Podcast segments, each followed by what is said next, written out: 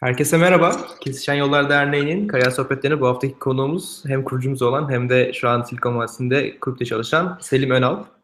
Ee, Kendisinin geçmişi videonun altında kısaca var ama direkt kendisinden dinleyerek başlayalım isterseniz. Ee, Başlamadan önce sorularınız olursa videonun altındaki soru linkinden veyahut da yanındaki yorum kısmından iletebilirsiniz. Ben hepsini iletmeye çalışacağım. Ee, Selim başlayalım direkt seninle özgeçmişinle. Merhaba herkese. Uzun bir ara oldu. Ben bu sohbetlere katılalı. Bundan benim için tekrar heyecan verici bir şey. Mutlu da ediyor beni çok. Öncelikle herkesin bir de Cumhuriyet Bayramı'nı kutlamak istiyorum. Nice 94 senelere inşallah. Ee, çok da hoş bir tesadüf oldu bugüne gelmesi. Derneğimizin birinci yaşına da yakın bir zamana gelmesi. Ee, ben 2000, 2004 yılında Koç Lisesi'nden mezun oldum. 2008 yılında Sabancı Üniversitesi'nden mezun olup Brown'da doktora yapmaya başladım ama iki yıl sonra doktorayı bıraktım. Ee, 2010 11 arasında Oracle'da bir yıl çalıştım. 2011-16'nın başına kadar Google'da çalıştım arama motor takımında. 2016'dan 2017'nin e, Mayıs'ına kadar Palantir'de çalıştım. Temmuz'da, Haziran'a kadar pardon. Temmuz'dan beri de Quip'te çalışıyorum.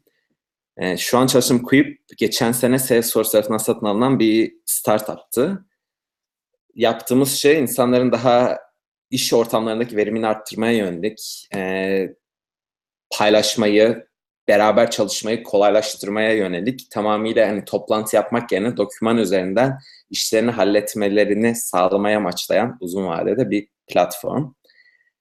E, onunla ilgili merak soru verirseler de daha detaylı anlatırım. Teşekkür ederiz. Çok fazla soru geliyor. Ben direkt sorularla başlayacağım. Ee, ilk soru anonim olarak gelmiş. Bildiğim kadarıyla Silikon Vadisi dünyanın her yerinden insanın çalıştığı bir yer. Bu kadar farklı insanla çalışmak zor olmuyor mu diye sormuş. Yani zorluktan çok keyifli oluyor aslında. Özellikle burada çalışan ya da burada yaşayan herkesin, herkesin demeyeyim ama birçok kişinin ortak görüşü çok e, kabul edici, çok farklılıklara saygılı bir ortam var gerçekten çok farklı insanla çalışıyorsunuz. Doğru ben ilk Oracle'da başladığımda takımın yarısı Hindistan doğumluydu. Diğer yarısı ben hariç ve başka bir kişi hariç Çin veya Kore doğumluydu. Ya o diğer bir kişi benim haricimdekinin de annesi Çin doğumluydu. Bir tek bendim bu ülkelerle hiçbir bağ olmayan.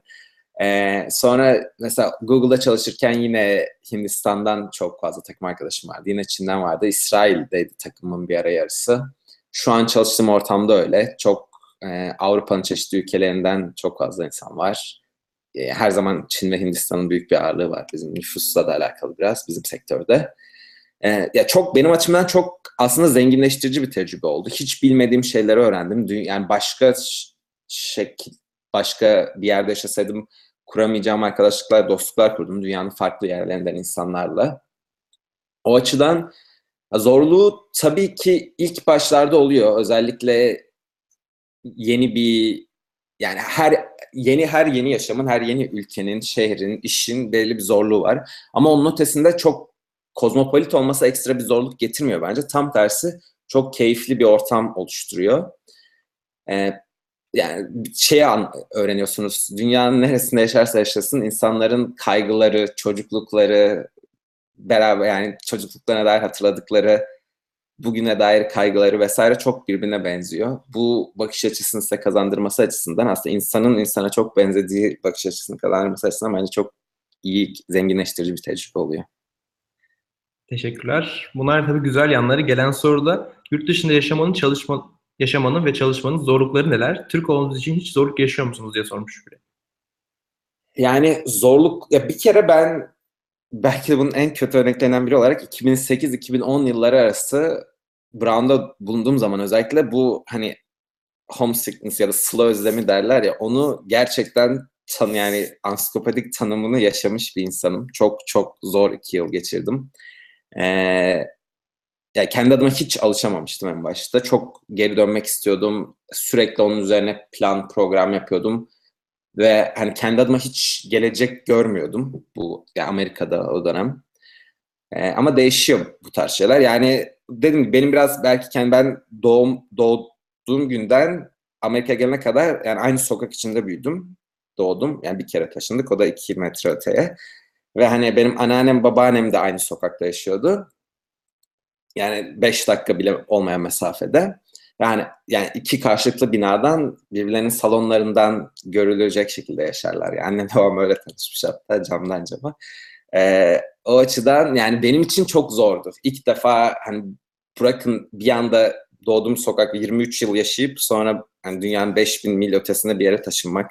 Hiç alışkın olmadığım bir o dönem için en azından kültüre ya ben bir de çok böyle hani yabancı dizi izleyen veya bu kült yani farklı kültürleri çok o dönem takip eden bir insan değildim. Ne olup ne bittiğini çok yaşama dair çok fazla fikrim yoktu. Akademik anlamda vesaire hani gerekli kadar takip ediyordum doktor eleyeceğim için ama öyle bir çok hevesim, heyecanım da yoktu.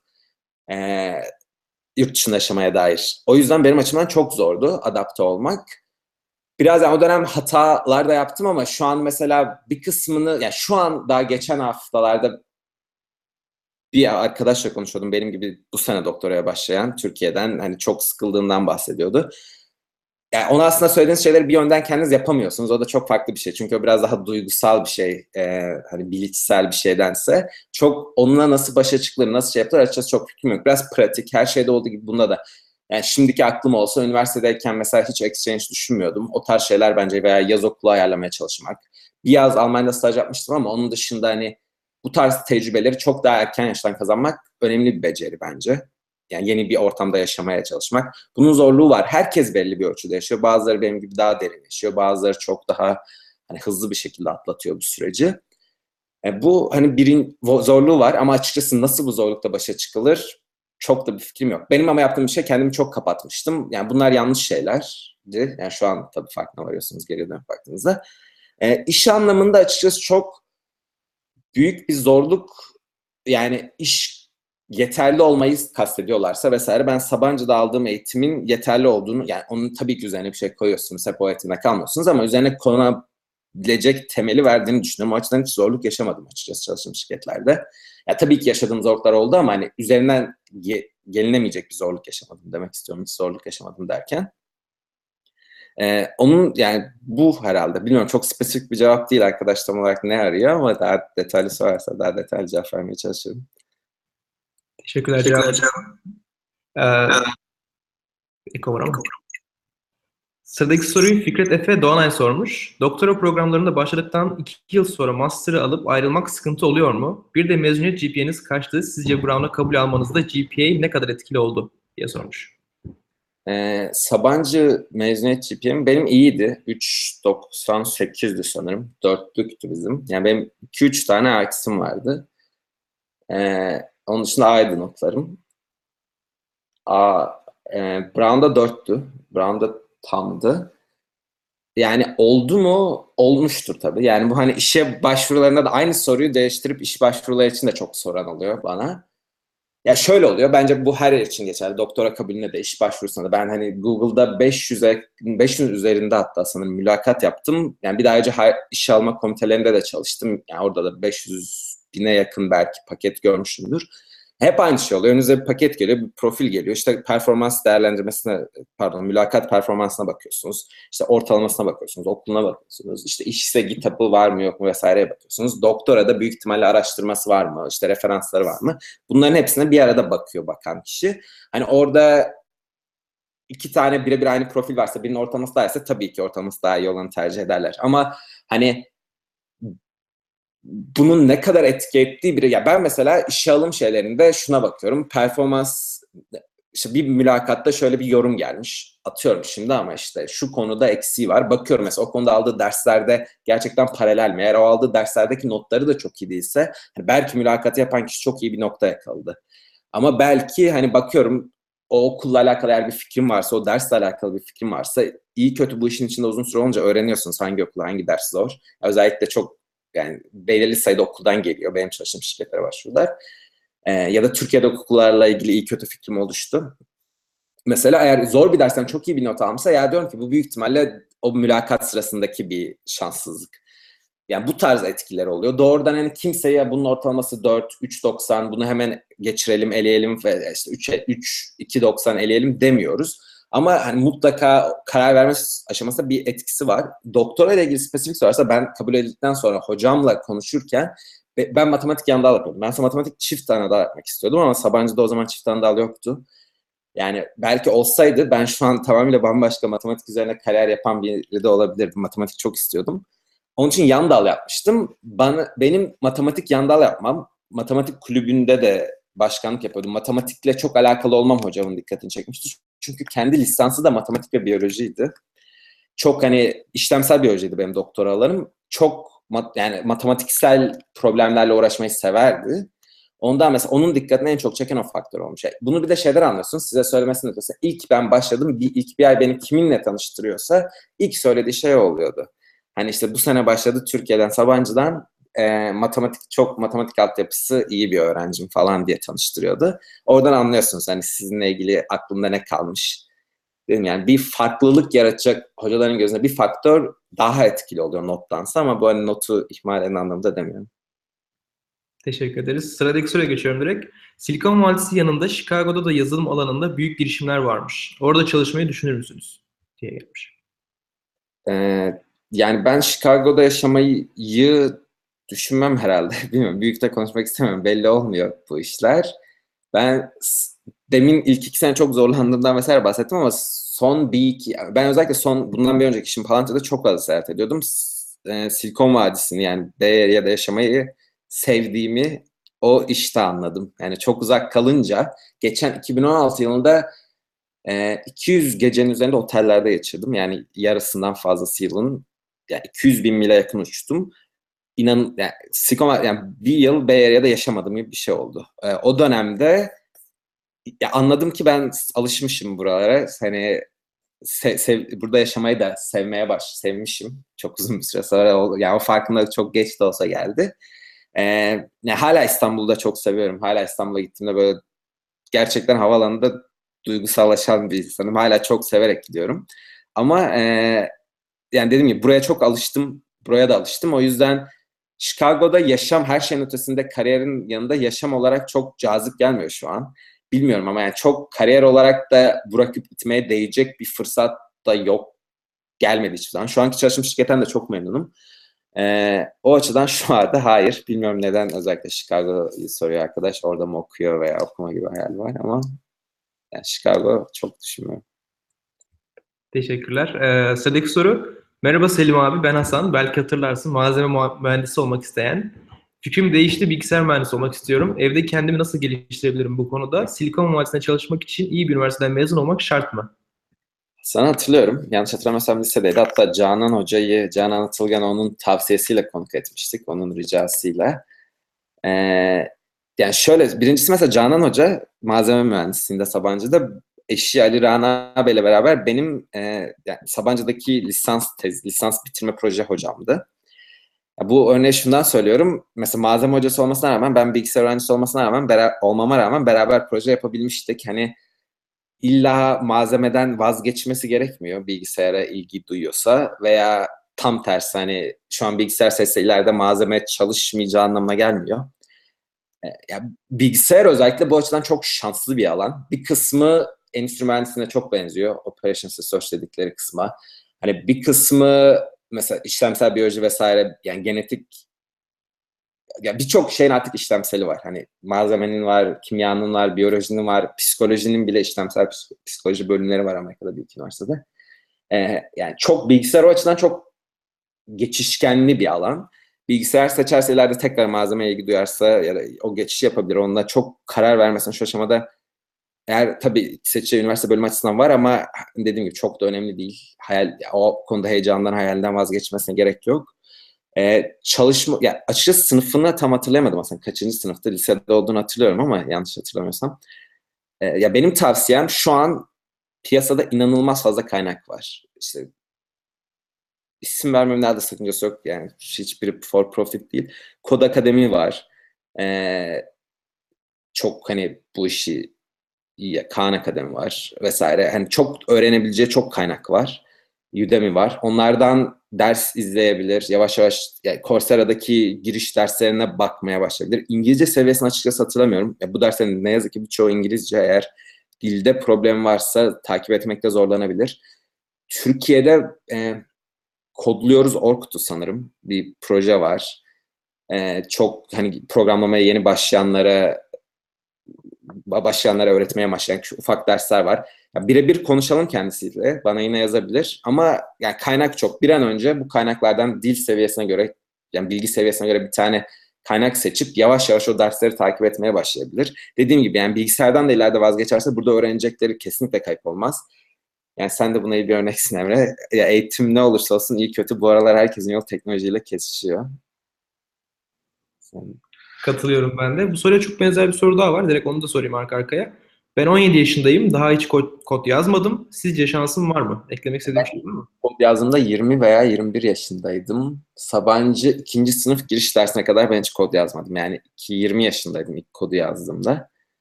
O açıdan var. Ee, ben bir de yani Sabancı'ya girdiğinizde bu arkadaşlar lise öğrencisi yaş itibariyle çok hani biz anket yapılır. Hangi bölümleri ilk, ilk yıl bölümsü olduğu için hangi bölümleri tercih etmek istiyorsunuz diye. Yani şu anki fikrinizde o zaman 7 tane mühendislik vardı. Benim 7. tercihim bilgisayar mühendisliğiydi. Yani onu çok net hatırlıyorum. Yani onun dışındaki biri de sanırım o zaman biyolojiydi yazmıştım. Ee, ya tam böyle liseyi bitirdiğimden şeyde ilginç geliyordu bazı biyo, biyoloji problemleri. Ya sonra değil bilgisayar seçtim ve benim adıma mesela bu değişim yani üniversite birini bitirdiğim yaz matematik e, o dönem ilk iki, birinci sınıftaki iki dönem kalkulus dersini aldığım Cem Güner'i Sabancı'daki şu an e, hala yani hoca olarak devam eden Cem Hoca beni odasına çağırmıştı. Neden hatırlamıyorum ama konu hangi bölümü seçeceğime geldi. Orada ben ona hani bilgisayar istemediğimi söylediğimde yani gerekçesini sordu. Benim mesela o zaman gerekçem aynen bu arkadaş gibi. Hani ben işte üniversite 2'ye geldim. Bugüne kadar hiçbir tecrübem yok. Benim arkadaşlarım var, tanıdıklarım var. 3-4 yıldır bu işe uğraşıyorlar. Kendime hani çok geriden başlıyor hissediyorum gibi bir cevap vermiştim. O da bana üniversitede akademik ortamda alacağın bir dönemlik eğitim, bir iki dönemlik eğitim hani dışarıda 4-5 yılda alacağın eğitimle kıyaslanamaz bile. Hani eğer hevesliysen, isteğin varsa bu hani hiç geçerli bir mazeret değil. Mutlaka hani biraz yani takip et. Yani zaten giriş dersini herkes alıyor ama hani giriş dersinin ötesine devam et. Sonra karar ver demişti o hani çok benim belki de kariyerimi değiştiren tavsiyelerden biri oldu. Ben sonradan çok keyif aldığımı fark ettim bilgisayar derslerinden. Yani o çok hani doğru, şu doğru. Şimdi dünyada gitgide bu erkene çekiliyor. Hani anaokullarında bile yapan ülkeler var. Tabii program yazdırmıyorlar ama bu çok oyunlarla vesaire bu düşünce şeklini çalış vermeye çalışıyorlar. Ama ben şuna inanıyorum. İyi bir matematik eğitimi aslında bence bilgisayar biliminin temeli. Yani eğer matematik matematikten keyif alıyorsanız, güçlüyse matematiğiniz zaten aslında temeli oluşturmaya başlıyorsunuz.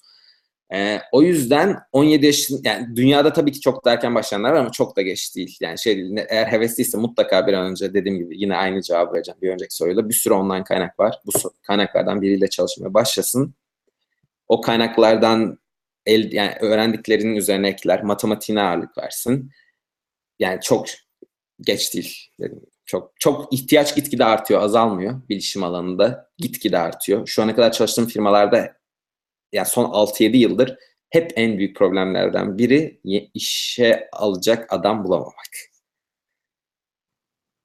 Ben de katılıyorum ki bizim için gençler bizim gençler için çok iyi bir sonuç bu, güzel bir şey.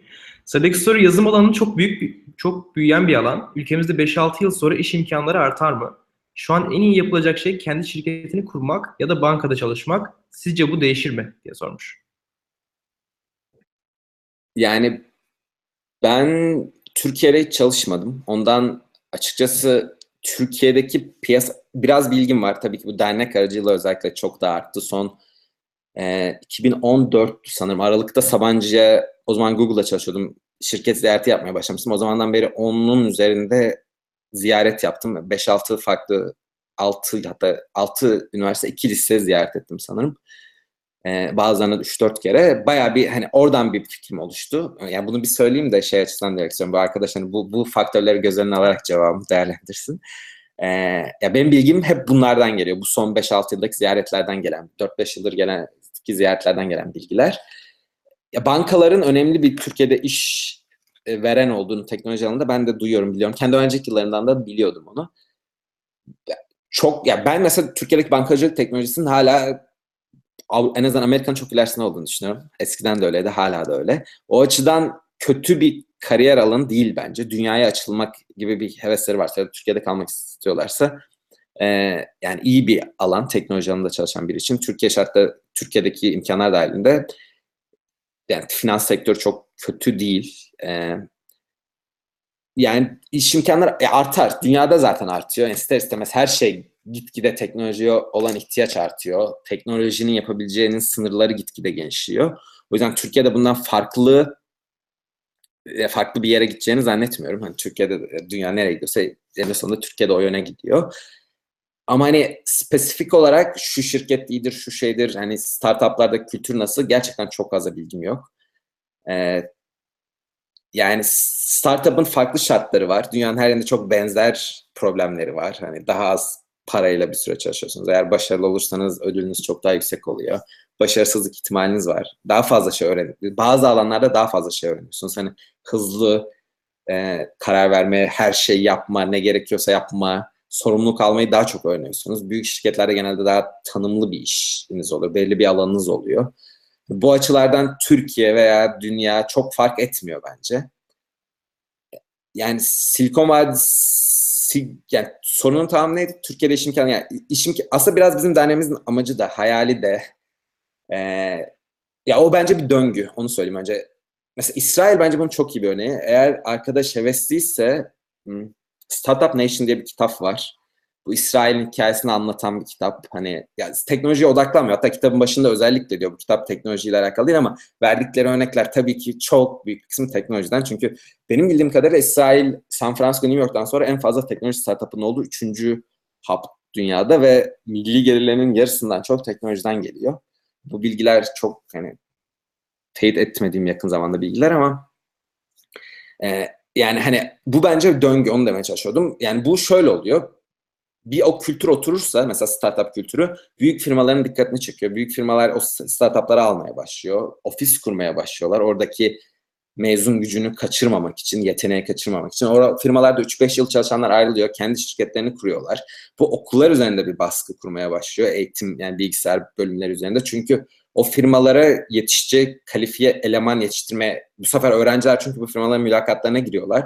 Eğer başarısız olurlarsa okullarından talepleri ona göre şekilleniyor, değişiyor. O yüzden bence çok olumlu bir döngü bu.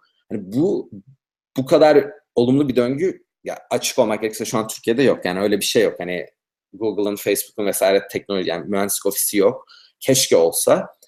Ee, ama hani dediğim gibi dernekteki hayallerimizden biri de kişisel olarak benim de uzun vadede çok arzu ettiğim, istediğim bir şey de böyle bir döngünün oluşacağı bir ortamın, ekosistemin olması çok mutlu eder beni. 5 yıl sonra, 10 yıl sonra böyle bir ekosistem olursa.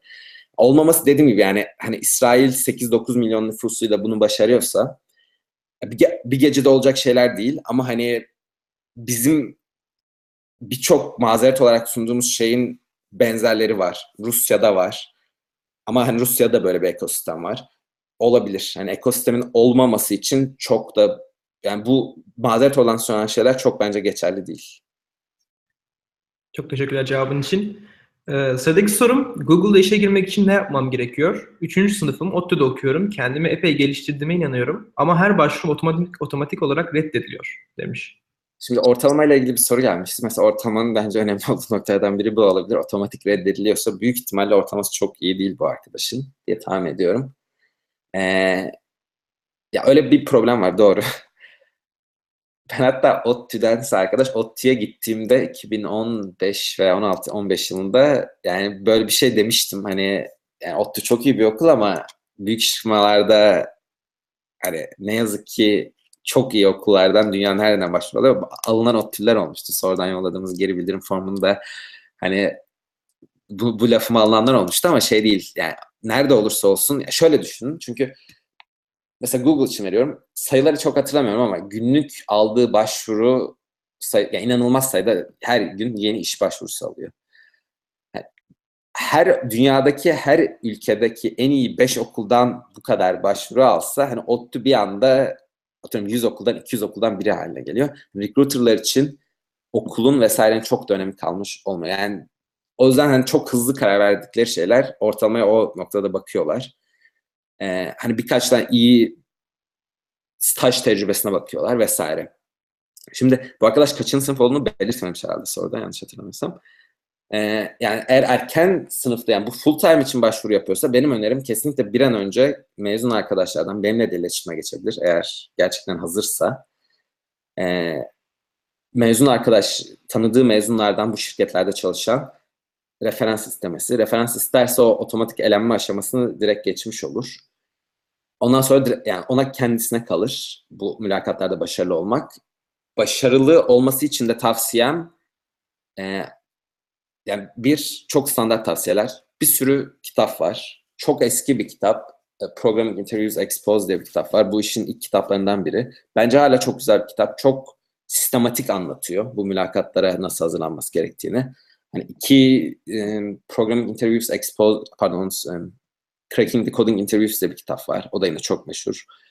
Ya bir sürü site var. Lead Code var, HackerRank var. Buralarda yani şu an çok imkan var. Onlardan pratik yapmaya bir önce başlasın. Dediğim gibi yani otomatik elenmeyi elemek için en iyi yol referans. içeriden birini bulması. Büyük şirketlerde de yani bu içeriden birini bulmak işe almayı falan kesinlikle garanti etmiyor yanlış anlaşılmasın. Sadece mülakat alabilme şansınızı arttırıyor. Ondan sonra tamamıyla size kalmış. Ee, onun için de en iyi yol bir referans bulması. Teşekkür ederiz. Sıradaki soruyu Engin Yükselen sormuş. Sorusu Silikon Vadisi'ndeki şirketlerin open source teknolojilere bakış açısı nedir? Ve özellikle yazılım alanında hangi dil daha yaygın kullanıyor? Python, Rub- Ruby, .NET. Ee, yani open source'a bakış yani birçok firma destekliyor. Yani ba- bakışı yani olumlu herhalde. Tam olarak hani open source'a katkı sağlamış mühendislere bakışını mı soruyor yoksa genel olarak open source plat e, ya open source kavramına bakışlarını mı soruyor çok bilmiyorum. Yani olumsuz bakan ya olumsuz bakan olsa da böyle bir konumda bunu yani olumsuz baktığını ilan edecek bir firma olamaz şöyle bir dünyada. Hani o açıdan ne kadar samimi bilmiyorum ama yani bütün firmalar çok olumlu bakıyor. Yani büyük bir kısmı olumlu bakıyor, desteklediğini söylüyor.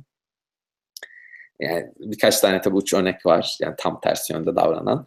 Ee, e, mühendis açısından soruyorsa önemli bir şey tabii ki bir iş yani en en başa dön, en başta söylediğim şey geliyor. Hani sizin siz değerlendirirken ol, yani eğer varsa çok ciddi katkınız alanınızda belli alanda bu çok olumlu bir faktör. Çok e, size artısı olan bir faktör.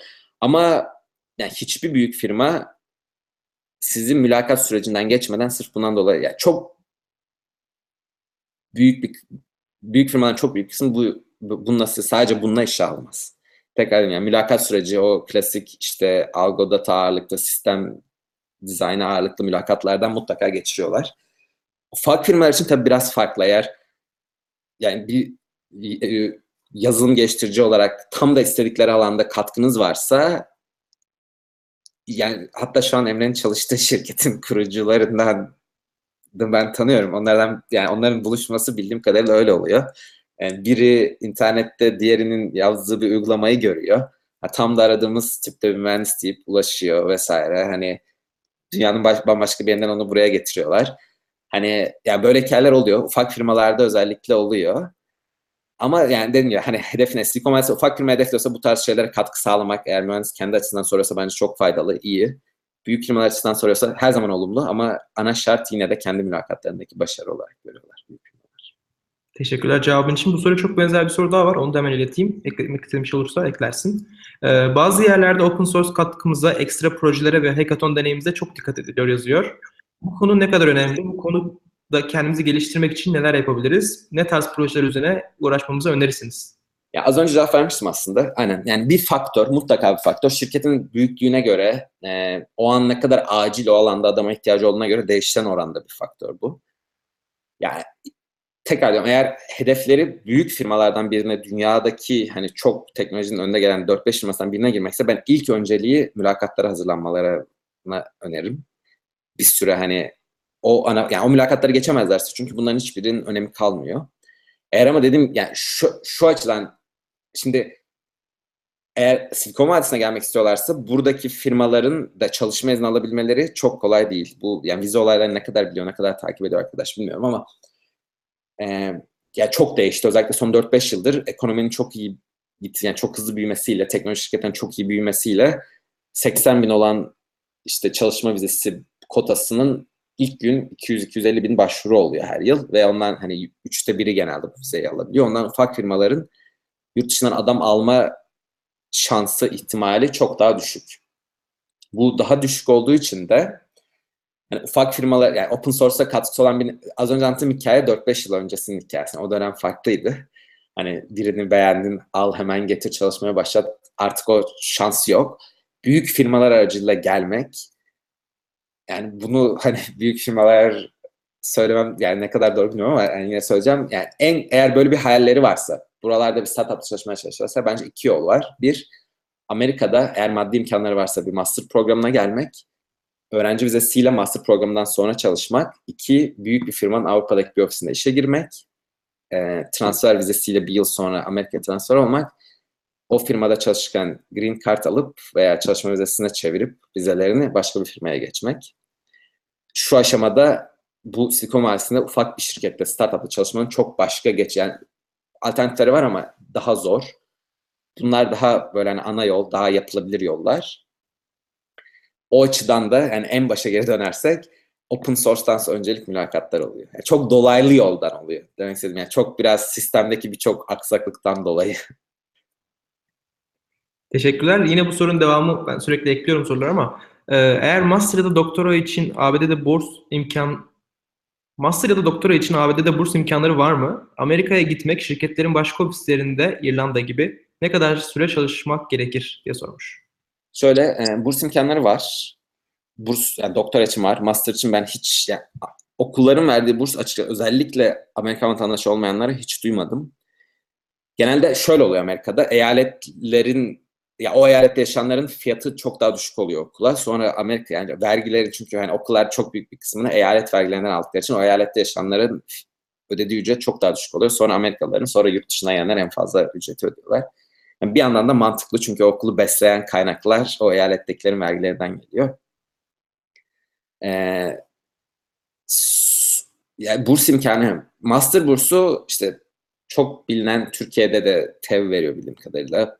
Dünya çapında Fulbright veriyor vesaire ama hani bu burslar alırken vize durumuna dikkat etmek lazım. Bilmiyorum biliyorlar mı? C1 vizesiyle geliyorsunuz. Ülkenize geri dönmeniz gerekiyor.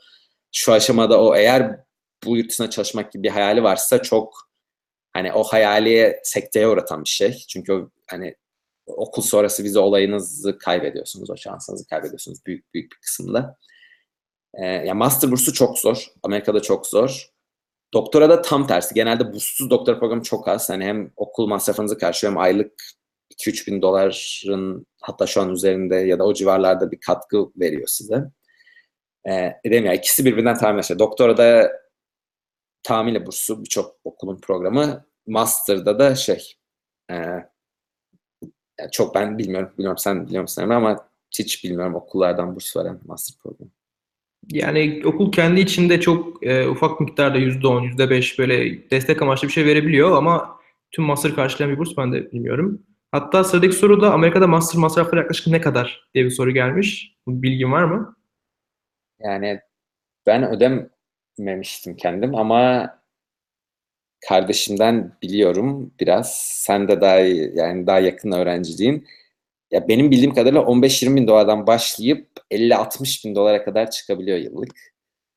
Ee, yani Amerika'da çok çok ciddi ve çok büyük paraların döndüğü bir sektör, üniversite sektörü. Yani Stanford'ın bir dersine kayıt olanlardan sırf dışarıdan online izleyip bu SPCD diye programlar var profesyonel yani çalışanlara yönelik. Yani bir iki milyon dolarlık dersler dönüyor. Bir, bir quarter'da, bir çeyrekte e, çok ciddi pahalıya kadar gidebiliyor. Bildiğim kadarıyla yani 15 bin doların altında yıllık ya bu 15 bin dolar bir de yani yaşamı katarsanız hani 25 bin doların altında çok zor herhalde. 60, 70, 80 bine kadar gidebilir yaşayacağınız yere göre yani. Çünkü yani bizim bu bölge mesela Stanford herhalde en pahalısı. O bölgede tek oda bile tutsanız ayda yani çok ciddi 1500-2000 dolara kadar çıkan bölgeler var. Ee, yani çok çok uç şeylere kadar gidiyor. Teşekkür ederim için. Katılıyorum ben de. Ee, sıradaki sorum bugün haberlerde Oracle'daki Hintlilerin sürekli diğer Hintlileri işe aldığına dair bir haber çıktı. Siz bir konuda ne düşünüyorsunuz? Niye Türkler de diğer Türkleri işe almıyor diyemiş. E ben de okudum haberi. Bu bugün mü sormuş arkadaşlarım önceden mi gelmiş? Ben de cuma günü çıktı sanırım o haber ya da perşembe. Ee, yani ben az önce de dedim ben çalıştım. Ee, çalışırken de yarısı takımın Hindistan doğumluydu. Yani çok öyle, ben açıkçası hiçbir zaman öyle bir şey yaşamadım. Aa ben hani Hindistan'dan değilim, bana benim işte yaptığım şeyde detaylı kredi vermiyorlar ya da beni hani takıma alırken öyle bir ayrımcılık yapıyorlar falan gibi açıkçası hiçbir zaman öyle bir şey hissetmedim. Şu oluyor, ya biz de hani Türkler, ben mesela Sabancı'ya dört kere gittim. Şimdi Sabancı mezunlar e, ofis yani kariyer ofisiyle bir proje yapıyoruz Sabancı öğrencilerine yönelik. E, yani hani ister istemez geldiğiniz ülkeden, okuldan insanlarla tanıdıklarınızı öneriyorsunuz. İşar yani referans adı olsanız çalıştığınız şirkete. Onun yarattığı tabii ki bir şey oluyor. Hani olum yani o oradan gelen bir tanıdıkların tanıdıkları getirmesinden gelen bir şey oluyor. Ama ben açıkçası kendi kariyerimde hiçbir zaman öyle bir ayrımcılık yaşadığımı hissetmedim. Doğduğum ülkeden dolayı. Biraz önce de böyle bir soru vardı. Tam da cevap vermedik herhalde. Ona Türk olmakla alakalı problem yaşadınız mı diye. Ee, ben dediğim gibi yaşamadım. Yaşadığımı düşünmüyorum. Hani Türk Türkiye'den geldiğim sebebiyle. Yani ikinci kısım, yani biz de almaya çalışıyoruz. Dernekte de bunu yapmaya çalışıyoruz. Ee, bu Türkiye'de de büyüsün istiyoruz bilişim sektörü. Yani bu dediğim az önce bahsettiğim dinamikler, o ekosistem oluşsun istiyoruz. Çok arzu ediyoruz, hayal ediyoruz kişisel olarak. Hani bizim yaptığımız biraz denizde damla ama hani bir yerden de başlanması gerekiyor. Herkesin bence yani biraz öyle oluyor bu işler. Ufak ufak başlıyor. Ee, yani ben yazan herkese eğer şansları varsa kendi çalıştığım yerlere yani ve de o şirketlerde tanıdığım arkadaşlar aracılığıyla referans olmaya çalışıyorum. Ama hani şunu kaçırmasın arkadaşlar. Hani ya bazen ya ben, bazen öyle bir hani profiller geliyor ki e, okuldaki derslerinden kalmış hani kitapta hiçbir şey yok, HackerRank'te hiçbir şey yapamıyor. Yani hani ya, sihirli denek de yok kimsenin elinde. Yani dokunup da bir anda yani size de çok şey oluyor. Hani sizin üzerinde de çok şey var ama dediğim gibi eğer bu arkadaş bu soruyu kendi hani potansiyelim var giremiyorum şeyle soruyorsa bana yazabilir e, dernekteki e-mail adresimizden. Eğer hazırsa mülakatları ben yardımcı olmaya çalışırım. Teşekkür ederiz. Ee, sıradaki soru dernekle ilgili gelmiş. Derneğinizle beyin göçünü teşvik etmiyor musunuz? Yurt dışındaki başarılı insanları Türkiye'ye geri kazandırmamız gerekmiyor mu? diye sormuş. Yani ben ettiğimize katılmıyorum ama bu soru çok çok sık geliyor. Ee, ya birincisi bence beyin göçünü önlemenin yolu hani insanların fa- farkındalığını azaltmak, dünyada neler olar, olup bitiyor bunlar konusunda bilgisiz kalsınlar, haberdar olmasınlar. Sonra mahkum oldukları için bir şeyleri yapsınlar olmamalı bence. Hani bunun yolu tam tersi deminden beri bahsettiğimiz insanların verimli olabilecekleri, yaratıcı olabileceklerine inandıkları bir ekosistemin oluşması, heyecan duyarak, mutlu olarak çalışacakları bir ekosistemin oluşması ben yaptığımız şeylerin uzun vadede hatta orta vadede buna katkı sağladığına inanıyorum. Yani bizim dediğim gibi bizler bir yıl oldu. Geçen hafta birinci yılımızdı. Çok yeni, hani çok iddialı veya büyük bir laf olur. Ama hani hayalimiz uzun vadede katkı sağlamak istediğimiz şey bu. Türkiye'de insanların sadece bilişim alanında da değil, heyecan duyarak, heves duyarak, hayal, büyük hayaller kurarak yapacakları, yani mesleklerini büyük hayallerle, büyük heveslerle yapacakları bir ortam yaratılmasına az da olsa bir katkı sağlamak. Bunun bence bir yolu da mesleklerinde hayal ettikleri alanlarda başarılı insanları ne kadar erken olursa o kadar iyi tanımaları, onlardan ilham almaları, onların yaptığı hatalardan kendileri ders çıkarmaları. Ben buna katkı sağladığımızı düşünüyorum. O açıdan bence ya bir de biz kimseye elinden tutup zorla hani bir yere götürmüyoruz, bir yere çıkarmıyoruz. Hiç o yönde bir iddiamız, çabamız da yok. Türkiye yönelik de projeler yapmak istiyoruz. Hatta Sabancı Üniversitesi'yle ortaklaşa bir şey yapmaya çalıştık. İstanbul İl Milli Eğitim Müdürlüğü'nden izin alamadık ne yazık ki. Eğer alsaydık daha Türkiye yönelik de projeler yapmak istiyorduk. Ee, yani bizim o yönde bir bariz bir çabamız yok. Ama eğer farkındalığı yaratmak, dünyada neler olup bitiyor, öğrenciler bunlardan haberdar olmayı beyin göçünü teşvik olarak tanımlıyorsa arkadaş, evet. Ama bizim tanımımız o değil. Ben de kesinlikle katılıyorum sana. Çok güzel bir cevaptı. Teşekkür ederim. Yine dernekle ilgili bir soru ileteceğim. Yine teknik sorulara geçmeden önce. Ee, dernek misyonunda her politik görüşten insanla çalışabileceğinizi söylüyorsunuz. Bunun hiçbir sınırı yok mu? diye gelmiş. Yani ondan önce başka şeyler de söylüyoruz. Ee, okuduğu için teşekkür ediyoruz. O yazıları kimse de okuyup okumada dair şüpheleri vardı ama arkadaş okumuş. Onun için ayrıca teşekkür ediyoruz. Ee, yani biz ayrıca orada hani dil, din, ırk, cinsiyet, cinsel ayrımı yapmadan herkese beraber çalışabiliriz diyoruz. Yani bu, bu görüşe katkı, yani bu görüşü paylaşan, bu fikirde olan her politik görüşten insanla evet çalışabiliriz. Yani suça vesaireye kaymadığı müddetçe politik yani politik görüşün tanımı bazı arkadaşlarda çok geniş.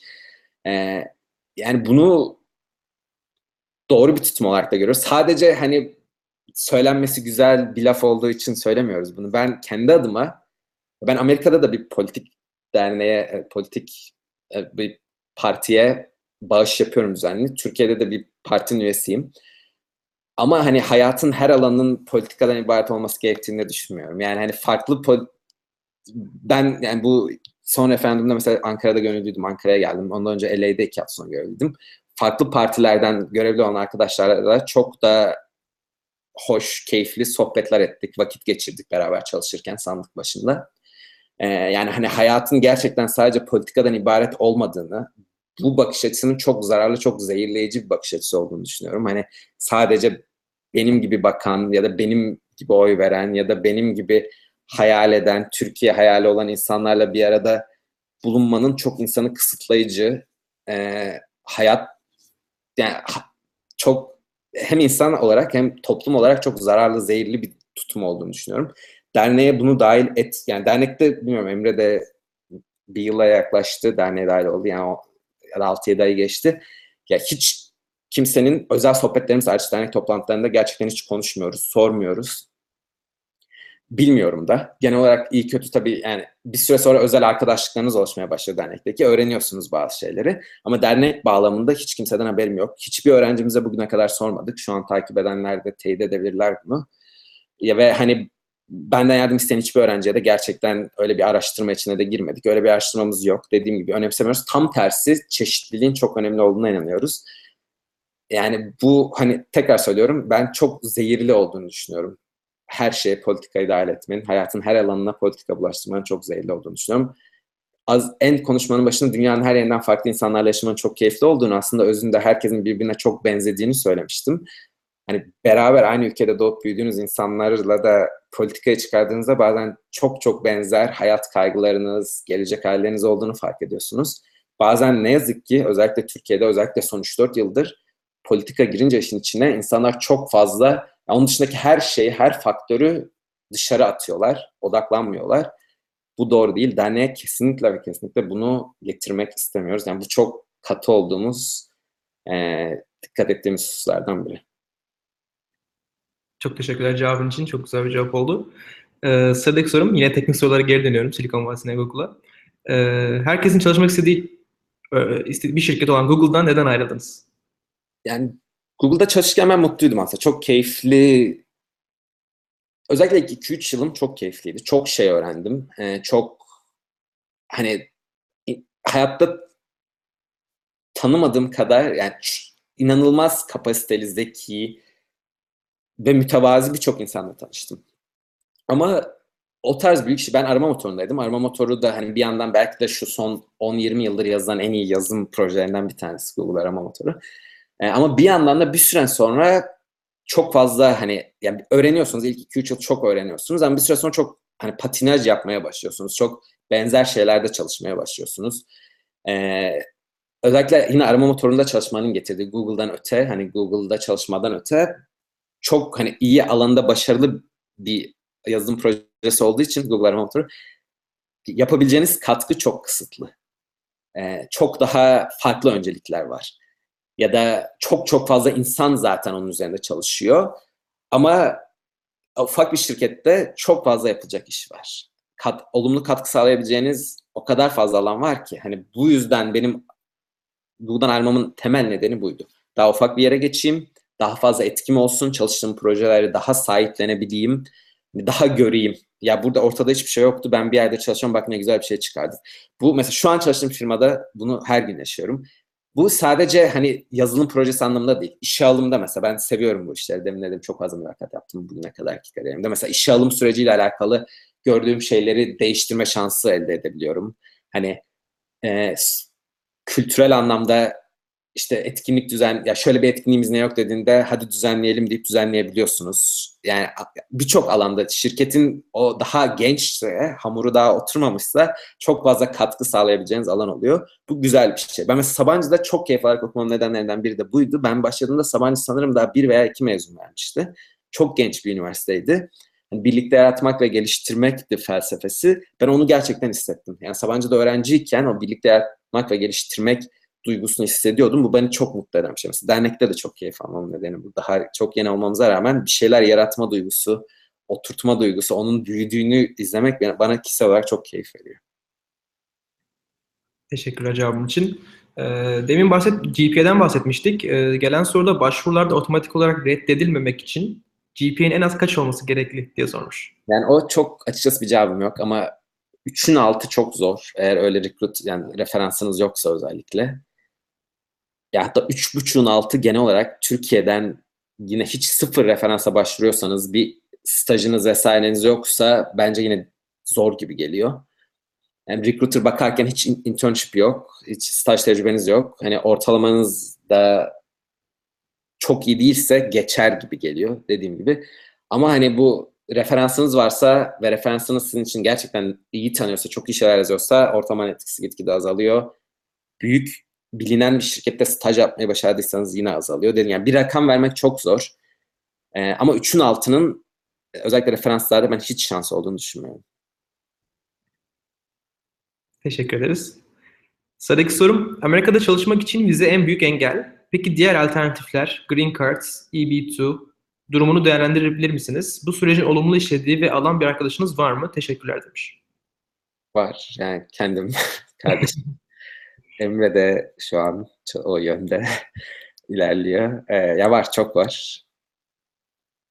Ya şöyle aynen dediği gibi H1B'yi artık almak çok zor. O yüzden e, doğrudan başvurup artık birçok firma zaten yurt dışından, Amerika dışından doğrudan işe almıyor.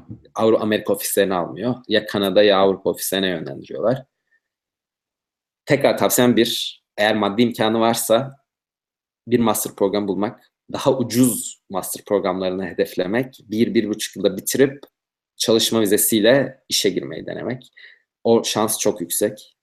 İki, bu olmuyorsa Avrupa'da Amerika merkezi firmaların Avrupa ofislerine girip bir yıl çalıştıktan sonra transfer vizesiyle gelmek. O işe girerken ama bir firmanın buna gönüllü olduğunu teyit etmek ve hatta işe girer girmez bir transfer vizesine bile başlamadan hem H1B hem Green Card başvurularını başlattırmak çalışacağı firmaya. Yani bunları hani baştan çok açık konuşmak, talep etmek. Yani bunların dışında yatırımcı yani belli bir para koyarsanız yatırımcı vizesi alabiliyorsunuz sanırım. Hani bir startupların yine belli bir paranın üzerine raise yani çok var ama bunlar daha detay. Bunlar çok daha zor. O, o detayları tutturmak daha zor. Hani iki yoldan ya okul üzerinden ya Amerika merkezli bir firmanın Avrupa ofisinde çalışıp transferle gelmek bence en hızlı olabilecek iki yol. Teşekkürler. Ee, sıradaki soru Alperen Karaman sormuş. Ülkemizde Silikon Vadisi gibi bir yer kurulabilir mi? Bunun üzerine nasıl çalışabiliriz? Ya aslında az önce verdiğim cevapların üzerine çok da bir şey yeni bir şey söyleyeceğim. Tekrar dediğim gibi yani bir gecede olacak bir şey değil bu. Hani Silikon Vadisi her şeyden önce ciddi bir kültür, bir beraber yani o hep bas bugün konuşmada çok geldi. Beraber yaşama kültürünün, hoşgörünün, yani dünyanın farklı yerinden insanların gelip kendilerini burada rahat hissetmelerini sağlamanın yarattığı bir sinerji.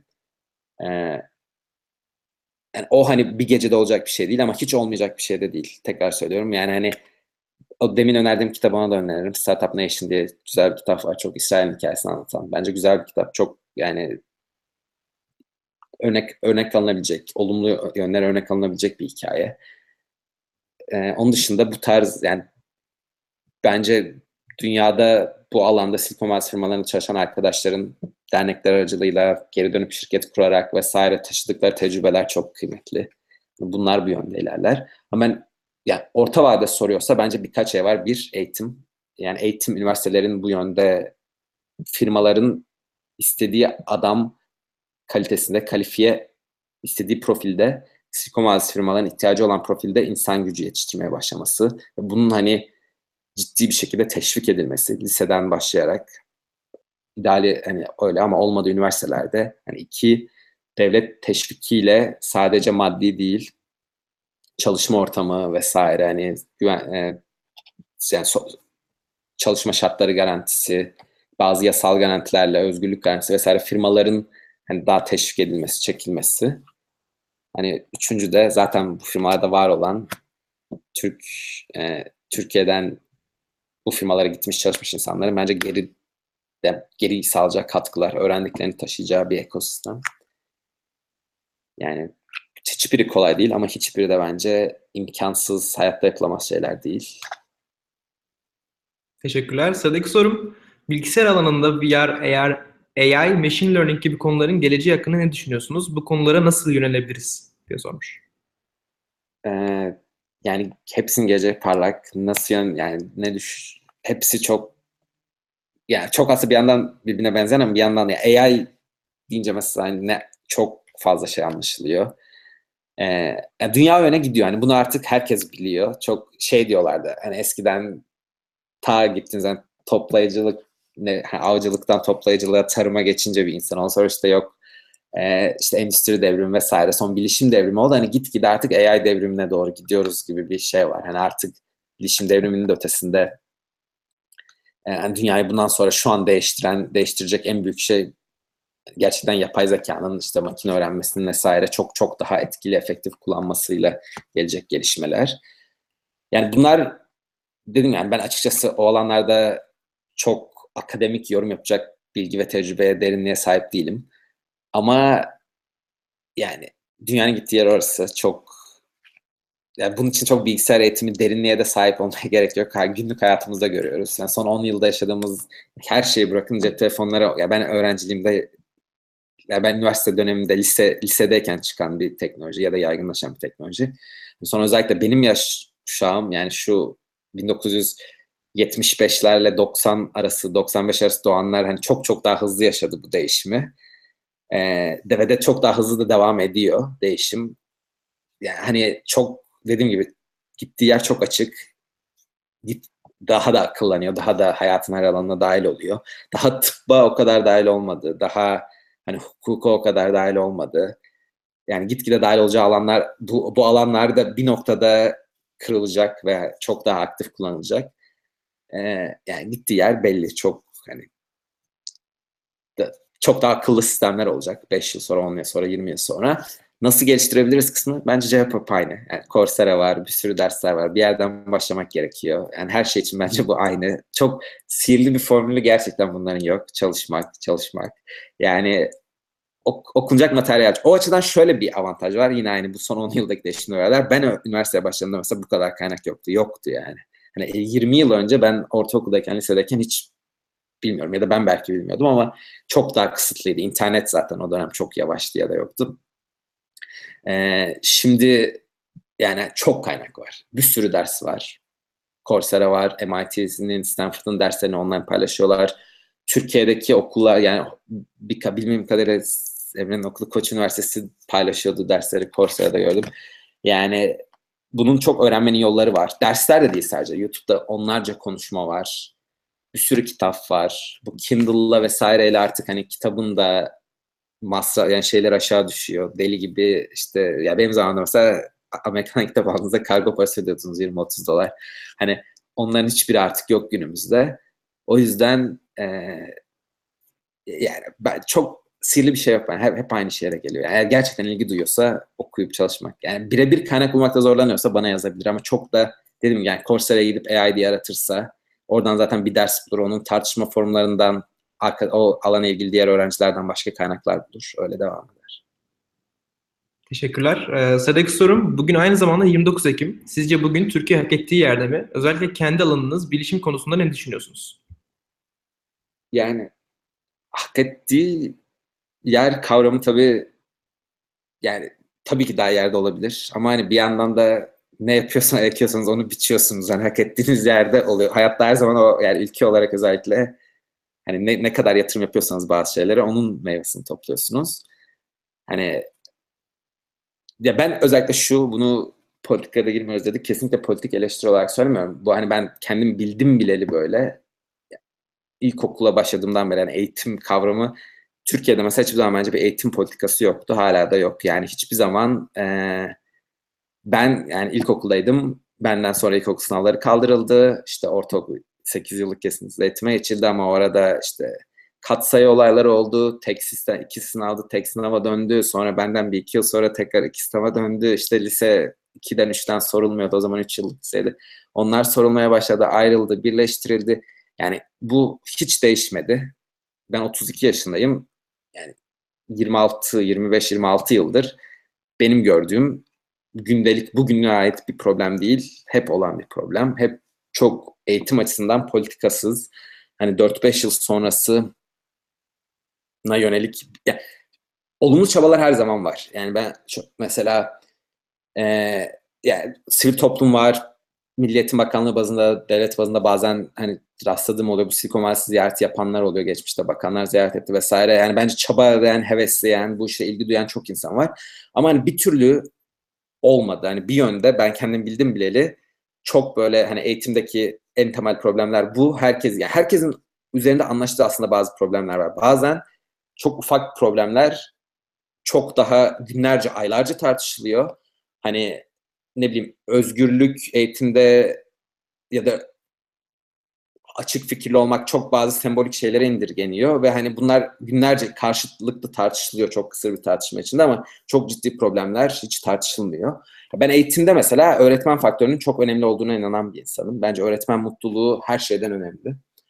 Yani öğretmenleri mutlu olmayan bir eğitim sisteminin ben hiçbir zaman başarılı olabileceğine inanmıyorum. Ne kadar teknoloji gelişirse gelişsin. Yani bunlar bence çok konuşulmuyor. Yani bunlar hani tekrar söylüyorum bir tar iki taraftan da konuş. Eleştiren de savunan da bence bu bunun üzerinden konuşmuyor eğitimdeki değişiklikleri. Ee, yani demek istediğim geldi yani daha iyi bir noktada olabilir tamam. Bu bence çok temel şeylerden geçiyor. Tekrar yani bilişimde gelmesi için onun altını besleyen eğitimin iyi olması lazım. Eğitimin iyi yani üniversiteden başlıyor. Üniversitenin iyi olması için onu besleyen liselerin, liseyi besleyen ortaokulların, ilkokulların hatta şimdi yani dünyada bitiren anaokullarının daha iyi olması gerekiyor. Hani bu yolda bir şeyler yapılıyor. Daha mutlaka yapılabilir. Eminim hani böyle atıp tutmak da kolay. E, işin içine girince biz de mesela dernek olarak işin içine bir şeyler yapmaya çalışınca anlıyorsunuz. Yani bazı şeyler de zor. Çok oturan sistemi değiştirmek çok zor. E, eğitim çok kapsamlı bir problem. Sadece bilişsel bir süreç değil. Eğitim bir yandan duygusal da bir süreç. Yani sadece bilişsel kararlar değil. O yüzden ben eğitimcinin çok önemli olduğunu düşünüyorum tekrar. Yani istediğiniz kadar iyi eğitimcileri bilgisayar başına toplayın. Birebir aynı odada olmak bence o duygusal hani e, yani amigdalanın da dahil olduğu beyinde bir süreç bence. Onu dahil etmeden eğitimde ilerlemek çok zor. E, bunun için yani demin dediğim yere geleceğim. Yani mutlu eğitimciler bence çok önemli. Yani dediğim yani biraz belki sorunun ana şeyinden dağılmış oldu kavram ama bence hani bilişimde arkadaşın hayal ettiği bir yer var herhalde. Bu soru oradan beslenerek sorulan bir soru. Ona gelebilmesi için bence onu besleyen eğitimin iyi olması gerekiyor. Üniversite eğitiminin. Üniversite eğitiminin iyi olması için hani aynen aşağıya doğru şeye doğru iniyor. Ee, yani umutsuz olmaya devam. Yani mutsuzluğu da çok açıkçası ben hiçbir zaman geçer akçe olarak kabul etmiyorum. Çok ya ben mesela kendi adıma Türkiye'de eğitim aldım. İlkokul, ortaokul, devlet okulunda okudum. Liseden itibaren e, yani Koç Lisesi'nde ve Sabancı'da okudum. İkisi de vakıf okulu.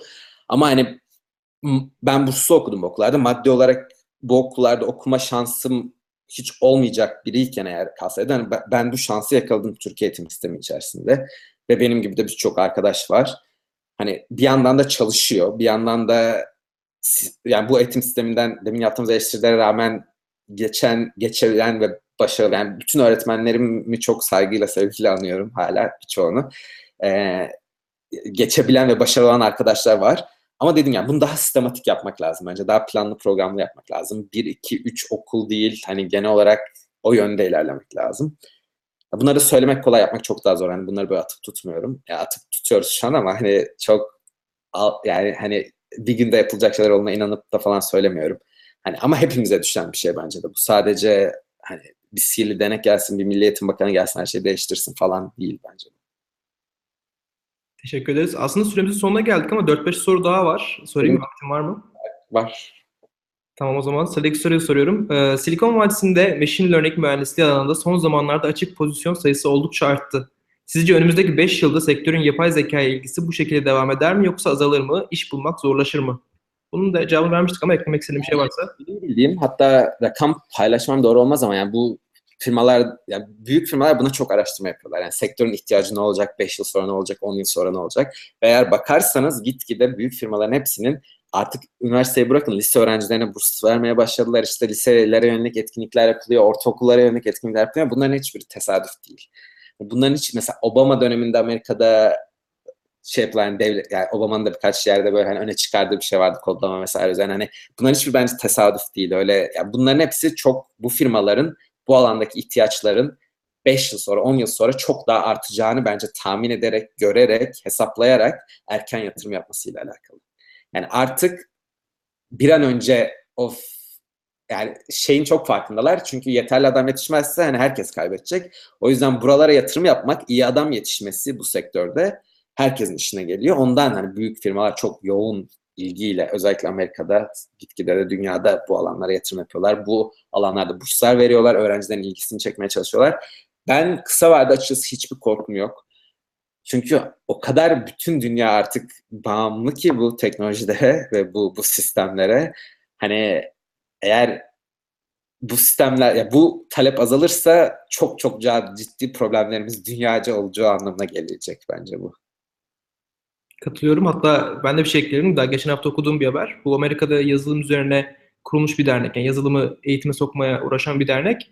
Ee, hükümetten ve e, Silikon Vadisi'nin gibi bilişim şirketlerinden bu sene 500 milyon dolar civarında bir ödenek almış ki e, anaokulundan başlayarak bu yazılımı ya çok daha basit bir seviyede olsa da her hatta liselere ders olarak sokmaya çalışmaya çalışıyorlar. E, ve önümüzdeki 5-10 sene içinde ki ihtiyacın sadece şu an onda birini sağlayabileceklerini düşünüyorlar şu an. Yani çok fazla bir ihtiyaç var. Buna rağmen yeterli kadar kaynak olmayacağını düşünüyorlar. Bunu söyleyip sıradaki soruya geçiyorum hemen. Ee, Silikon Vadisi'nde... Deminki soruyla da paralel. Yani bence yazılımın şöyle de çok güzel bir kısmı var. Türkiye ile alakalı gelen sorularla da alakalı. Yani ham maddesi insan gücü dışında çok fazla yok. Hani doğaya vesaire çevreye bir dön negatif anlamda döngüsü yok. Hani çok dünyanın her yerinde alıp taşınılabilecek, yapılabilecek bir iş. O yüzden de çok hani yani Türkiye'nin bence çok isterim tekrar söyleyeyim ve de hani arkadaşlar yani bu çok yat, yani katkı sağlamamız gereken hayal yani hayallerimizin bir parçası olması gereken bir şey bence Türkiye'nin geleceğine dair. Teşekkürler. Ee, soru Silikon Vadisi'ndeki kariyerinizde mi hangi matematik alanlarını hangi seviyede kullandınız diye sormuş. Güzel soru. Yani olasılık ve istatistik her zaman kullanıyorsunuz. Özellikle ben Google'da 4,5-5 yıl çalışırken arama motorunun yani kalite takımı diye geçiyor. Hani bizim hep arama sıralamadaki daha iyileştirmeye yönelik ya da işte verdiğimiz cevaplarda Google'a doğrudan sorduğunuzda aldığınız cevapları iyileştirmeye yönelik. Yani öyle şeylerde bir istatistik bakış açınızın olması gerekiyor. Zaten istatistik model modellerle siz genelde model kurmuyorsunuz ama yaptığınız her değişiklik test ediliyor kullanıcı üzerinde. Çok ciddi bir süreç o. Yani hani çok ciddi Google'ın yatırım yaptığı bir süreç. 40-50 tane istatistikçinin çalıştığı, model oluşturduğu bir süreç.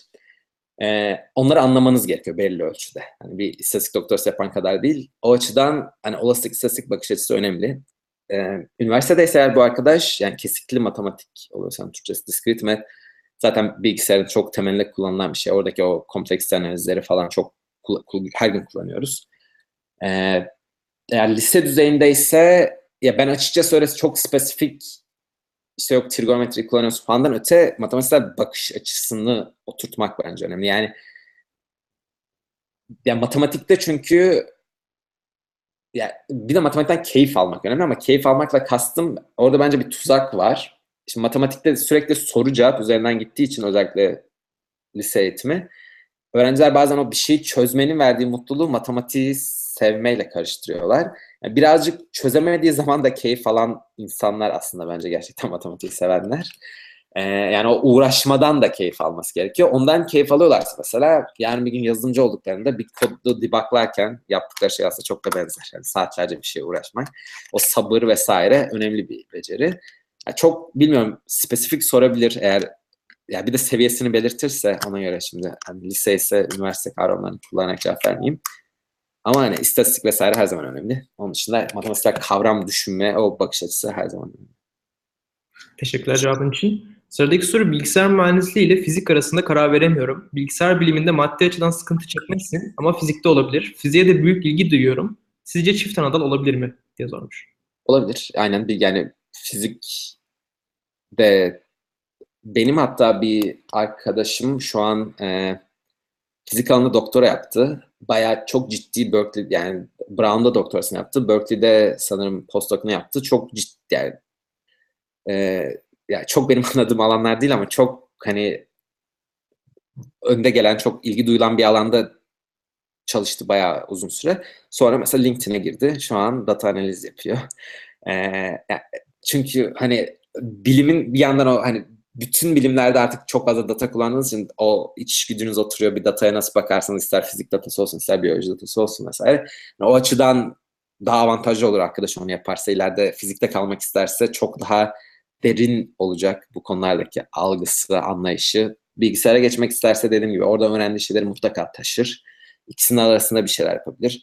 Yani bilgisayar biraz gitgide hani mühendisliğin ortak dili olma yönünde gidiyor. Hani matematik bence mühendisliğin ortak dillerinden biriydi. Şimdi bilgisayar da ona ekleniyor. Ayrı bir mühendislik olmaktansa.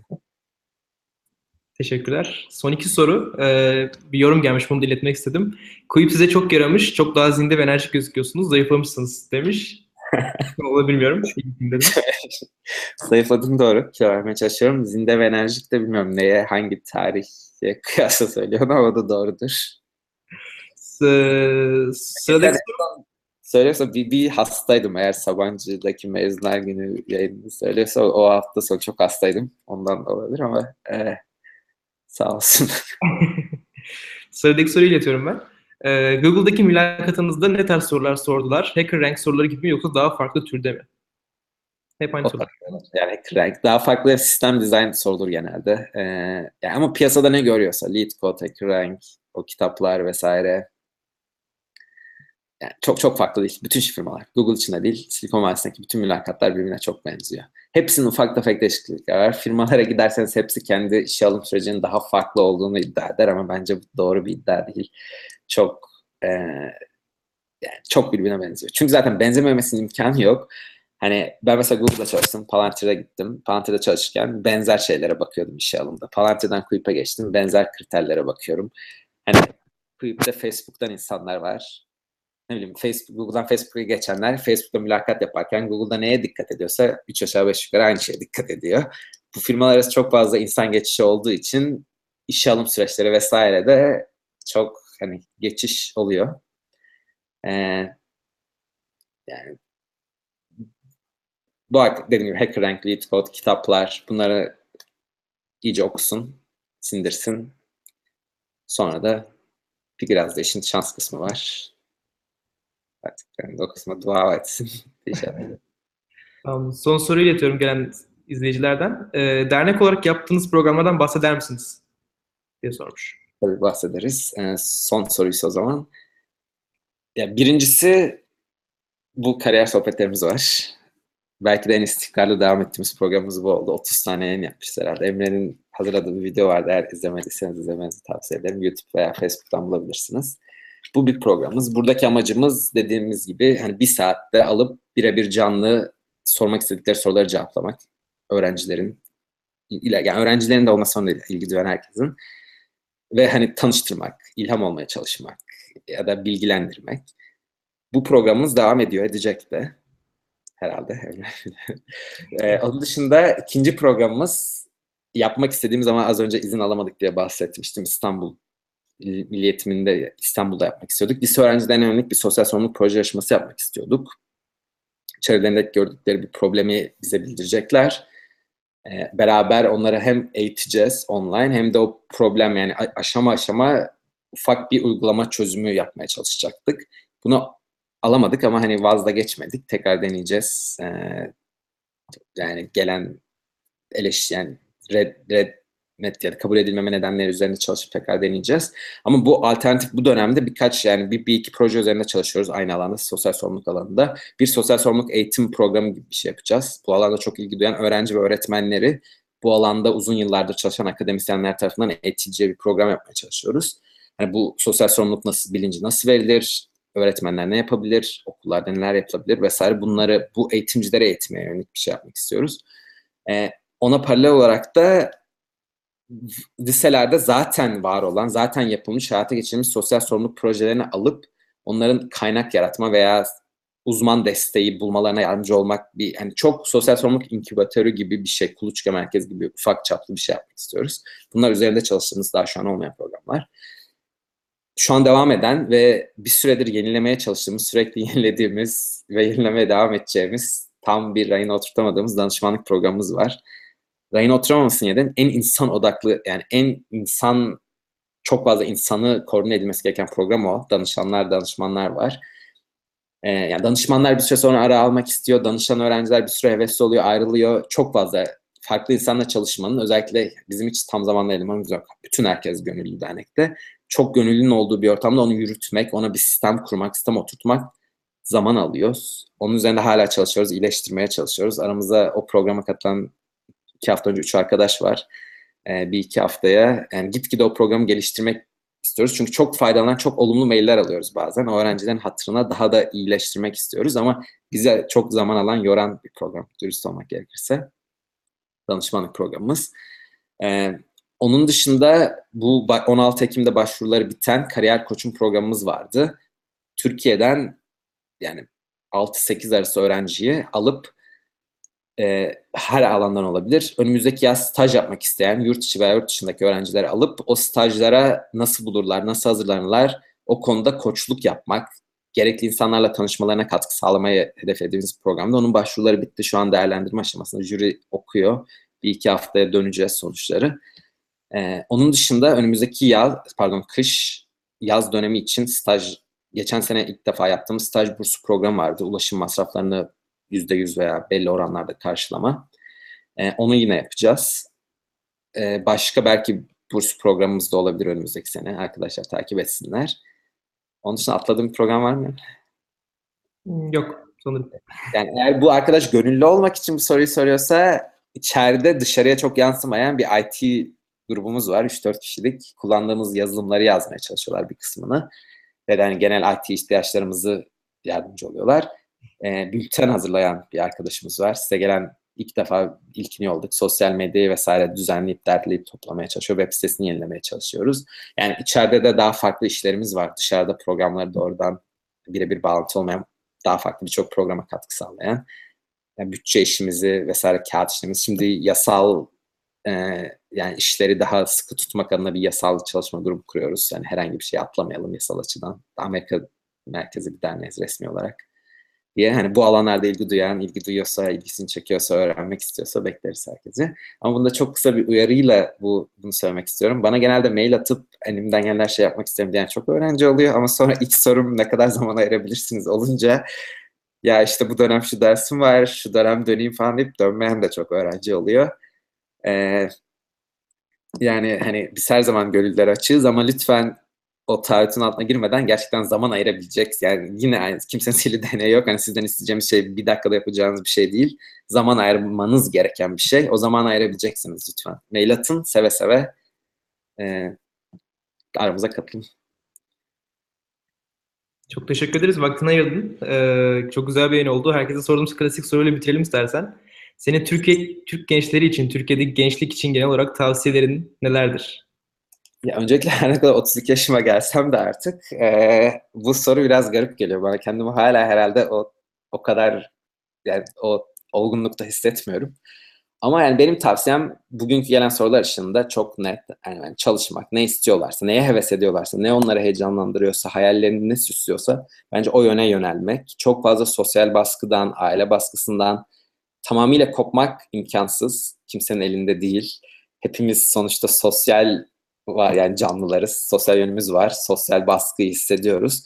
Ama olabildiğince bunlardan sıyrılıp onlara heyecanlandıran, hayallerini süsleyen alanda e, vazgeçmeden çalışmaları. Dernek işine başlayalı bir yılda çok böyle hikayeyle tanıştık. Çok bizi mutlu eden, heyecanlandıran, bu iş için motive eden hikayeyle tanıştık. Biz bu hikayelerin artmasını çok isteriz. Artacak, ya bu, bu hevesi olanlara katkı sağlamak da çok isteriz. O yüzden bizimle de iletişimde olsunlar, yazsınlar.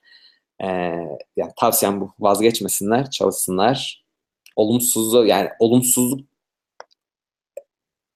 içinde bulunduğun durumu doğru değerlendirmek, neyin ne olduğunu farkında olmak bence çok önemli bir beceri. Ama bunun sonucu olarak mutsuzluğa kapılmak hiçbir zaman bir işe yaramıyor. Gerek Türkiye ile alakalı, gerek kendi durumlarıyla alakalı bugün yayında gelen veya benimle özel paylaştıkları kaygılarının da bence e, yani esiri olmasınlar. Çok yani olumlu bakmak istediğinizde bir- birçok e, olumlu bakabileceğiniz, olumluya çevirebileceğimiz çok da örnek var. E, umutlarını ve azimlerini bence kaybetmesinler. Çok teşekkür ederim tekrardan. Çok vakit ayırdın. Ee, çok bilgilendirici ve keyifli bir sohbet oldu benim için de. Ee, takip etmek isteyen arkadaşlar bundan sonraki yayınlarımızı takip etmek için bizi Facebook'tan ve YouTube'dan takip edebilirler. Ee, bu Silikon Vadisi serisi bir süre daha devam edecek. Buradaki birkaç şirketi de ağırlamayı düşünüyoruz. Şimdilik bu kadar. Önümüzdeki haftalarda görüşmek üzere. Kendinize iyi bakın. Var mı Selim? Söyleyeceğin son bir şey? Görüşmek üzere. Bizi izlemeye devam edin diyoruz. Görüşmek üzere. iyi akşamlar.